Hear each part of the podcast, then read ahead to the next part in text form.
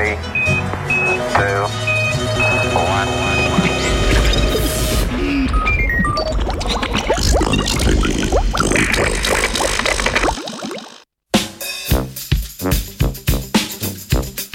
Dobro jutro.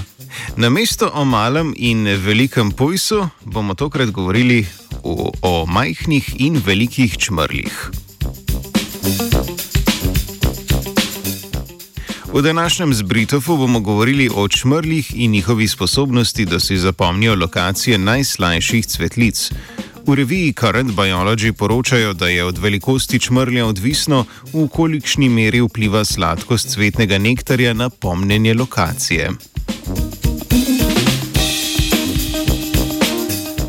Znano je, da se čebele in drugi opraševalci večkrat ozirajo, ko zapuščajo cvetlico in letijo proti panju.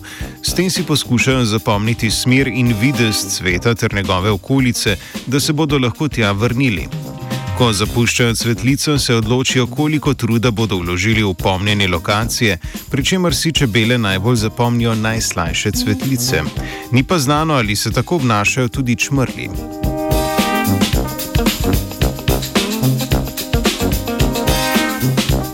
V omenjeni študiji so uporabili umetne cvetove z dodatnimi različnimi koncentracijami sladkorja in s pomočjo kamere analizirali gibanje čmrljev in njihovo oziranje proti cvetovom.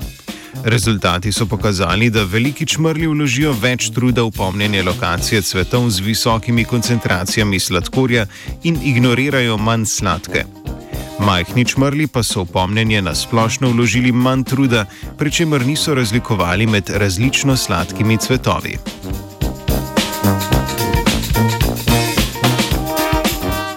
Opažene razlike med majhnimi in velikimi čmrli odražajo različne vloge, ki jih ti opravljajo. Majhni čmrli večino časa preživijo znotraj panja, veliki pa lahko nosijo težja bremena in premagujejo daljše razdalje.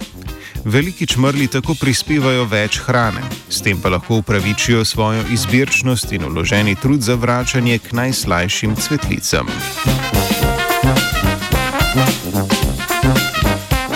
Zbritov je pripravila Katarina.